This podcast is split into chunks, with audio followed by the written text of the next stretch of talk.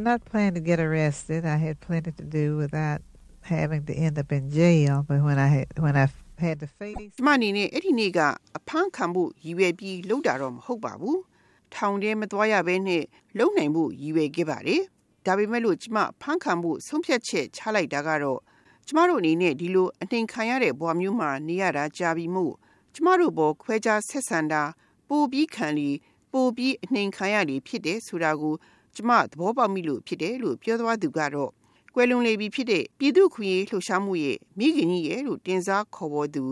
Rosa Parks ပဲဖြစ်ပါတယ်။ဒီလ February လကိုအမေရိကန်မှာ Black History Month လူမဲသမိုင်းတင်လအဖြစ်သတ်မှတ်ထားတဲ့အတွက်ကြောင့်လေ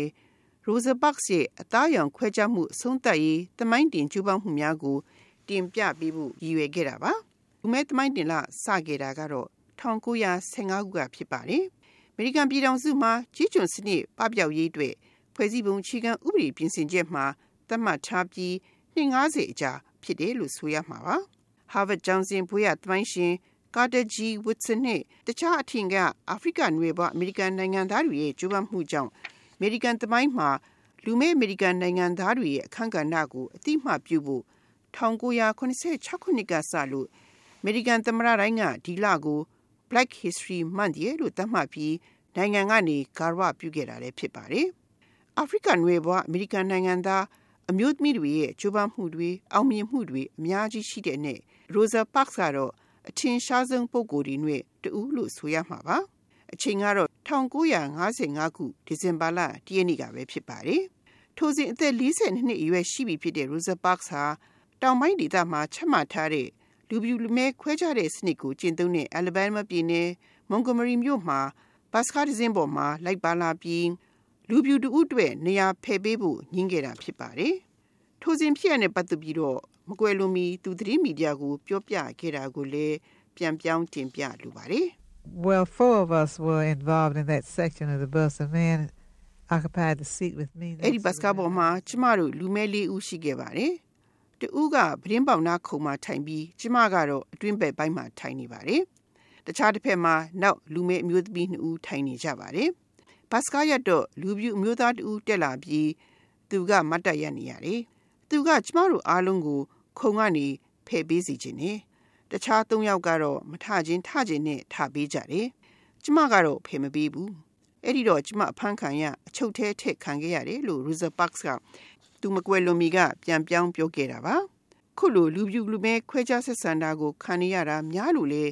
သူ့အနေနဲ့အခုလိုမခံမရနိုင်ဖြစ်လို့အခန်းရဲခဲ့တာဖြစ်တယ်လို့ Rosa Parks ကပြောခဲ့တာကတော့ Well, I had work and I can't say I wasn't, wasn't tired, but that ကျမကအလုပ်ပင်ပန်းပြီးပြန်လာတာ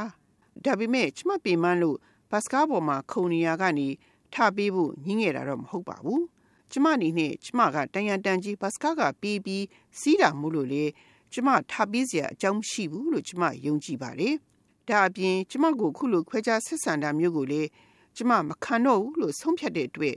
အခုလိုဘတ်စကားပေါ်မှာခုံနေရကိုမဖယ်ပေးခဲ့တာပါလို့ Rosa Parks ကပြောခဲ့တာဖြစ်ပါတယ်။ American ပြည်ထောင်စုမှာ racial segregation လို့ခေါ်တဲ့အသားရောင်ခွဲခြားတဲ့စနစ်ကိုကျင့်သုံးတဲ့ထိုစဉ်ကခီးသွားရမှာ လူပြူကရှေ့တန်းခုံလူမဲတွေကနောက်တန်းခုံတွေမှာထိုင်ကြရပြီးလူပြူတွေအတွက်ရှေ့တန်းခုံတွေမှာနေရာမရှိရင်နောက်တန်းခုံမှာလူမဲတွေကဖယ်ပေးကြရတာဖြစ်ပါတယ်။ဒါကို Rosa Parks ကဆန့်ကျင်ခဲ့တာပါ။အလားတူပဲကျောင်းတွေစားတောက်ဆိုင်တွေရုပ်ရှင်ရုံတွေစသဖြင့်မှလည်းလူပြူနဲ့လူမဲတွေကိုခွဲခြားဆက်ဆံထားတာပါ။ Rosa Parks ရဲ့ Montgomery မြို့ကလေးမှာဒီအသားရောင်ခွဲခြားတဲ့စနစ်ကိုဘတ်စကားတွေပေါ်မှာ တခြားလူမဲအမျိုးသမီးတွေကအခန့်ခဲ့လို့အဖမ်းခံခဲ့ကြရတာတွေလည်းရှိခဲ့ပါတယ်။ဒါပေမဲ့လို့လေဒီတစ်ခါ Rosa Parks အဖမ်းခံခဲ့ရတော့လူမဲလူအဖွဲ့အစည်းကဒီဖြစ်ရကိုမခံတော့တဲ့အတွက်သူ့နောက်မှာဝိုင်းပြီးရပ်တည်ပေးခဲ့ကြပါတယ်။ Rosa Parks ကတော့အလုပ်ပြုတ်ခဲ့ပြီး Alabama မှာအလုပ်ရှာမရတဲ့အတွက်ကြောင့်လေသူနဲ့သူခင်မွန်းဟာ Detroit မြို့ကိုပြောင်းခဲ့ကြရပါတယ်။ထိုစဉ်လူမဲဖွဲ့စည်းဖြစ်တဲ့ NAACP ကလည်း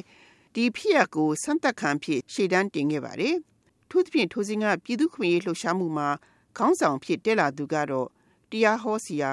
ဒေါက်တာမာတင်လူသကင်းပဲဖြစ်ပါတယ်။ထိုထိုစဉ်လူပြူလူမြဲခွဲခြားမှုဆက်ဆံရေးအစွန်းသတ်ဖို့ငြိမ်းချမ်းစွာတိုက်ပွဲဝင်ဖို့ဆုံးဖြတ်ခဲ့သူဒေါက်တာကင်းပြောခဲ့တာကိုလည်းပြန်ပြောင်းတင်ပြလိုပါတယ် Segregation in public transportation will pass away eventually. And I think we အများပြည်သူအသုံးပြုတဲ့တည်ယူပို့ဆောင်ရေးမော်တော်ယာဉ်တွေရထားတွေပေါ်မှာအသားရောင်ခွဲခြားမှုစနစ်ဟာတနေ့အဆုံးသတ်မှာပါ။ဒါကြောင့်ဒီကနေ့ကစပြီးတော့ကျွန်တော်တို့ဒါကိုရင်ဆိုင်နိုင်ဖို့ပြင်ဆင်ကြဖို့လိုမယ်လို့ထင်ပါတယ်။အဲ့ဒီအချိန်ရောက်လို့အခြေအနေတွေကိုရင်ဆိုင်ရတဲ့အခါမှာကျွန်တော်တို့တိတ်ခါရှိရှိတည်တည်ငြိမ်ငြိမ်စင်ချင်ုံတရားရှိရှိနဲ့ရင်ဆိုင်ကြပါစို့ဒေါက်တာမာတင်လူသာကင်းဦးဆောင်တဲ့လှုပ်ရှားမှုကြောင့်လည်းအသားအရောင်ခွဲခြားရေးစနစ်ဟာဥပဒေအရအမေရိကန်ပြည်ထောင်စုမှာအဆုံးသတ်ခဲ့ပါတယ်။ ဒေါက်တာမာတင်လူသာကင်းကတော့အလုပ်ကြံခံခဲ့ရပါတယ်။ Rosa Parks ဟာ1980ခုနှစ်များနောက်ပိုင်းမှာလည်းအသားအရောင်ခွဲခြားမှုတိုက်ဖျက်ရေးလှုပ်ရှားမှုတွေဆက်လက်ဆောင်ရွက်ခဲ့တယ်လို့ Detroit မြို့မှာလူမဲလူငယ်တွေအသက်မွေးဝမ်းကြောင်းအကြံပေးဌာနကိုလည်းဖွင့်လှစ်ပေးခဲ့ပါတယ်။ခုလိုဒန်းတူခွင့်ရရှိမှုအတွက်သူ့ဘဝမှာမနာမနေကြိုးပမ်းမှုတွေကြောင့်1990ခုနှစ်မှာထိုစဉ်သမ္မတဘီလ်ကလင်တန်က အရသားတွေကိုပေးတဲ့အမြင့်ဆုံးဆုတံဆိပ်ဖြစ်တဲ့သမ္မတရဲ့လွတ်မြောက်မှုဆုတံဆိပ်အပြင်လွှတ်တော်ဆိုင်ရာအမြင့်ဆုံးရွှေတံဆိပ်ဆုကိုလည်းသူ့ကိုချီးမြှင့်ခဲ့ပါတယ်။ထိုစဉ်သမ္မတကလင်တန်ဆုပေးပွဲမှာပြောခဲ့တာကတော့ Rosa Parks ignited the most significant social movement in modern America. ရိုဆာပတ်စာခေတ်သစ်အမေရိကန်သမိုင်းမှာအထင်ကရအကြဆုံး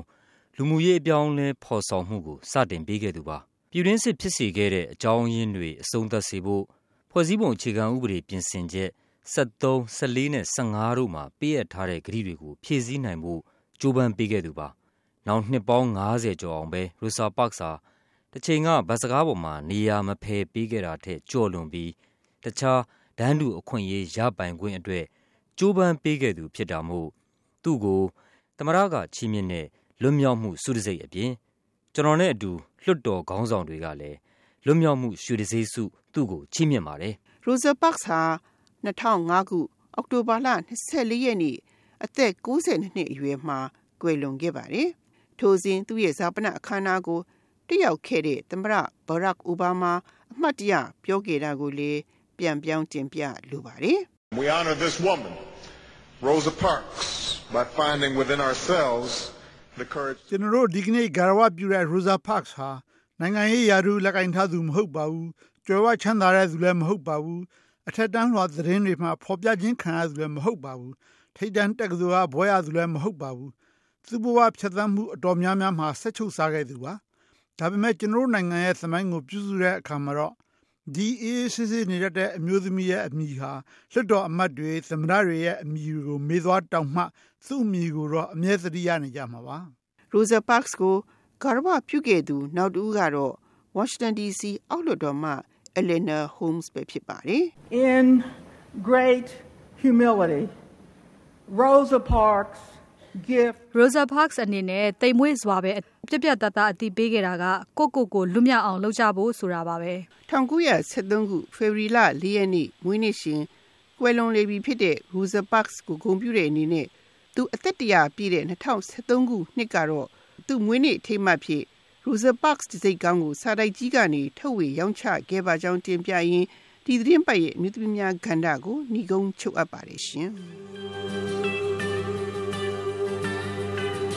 You can bend but never break me, cause it only serves to make me more determined to achieve my final goal. And I come back even stronger, not an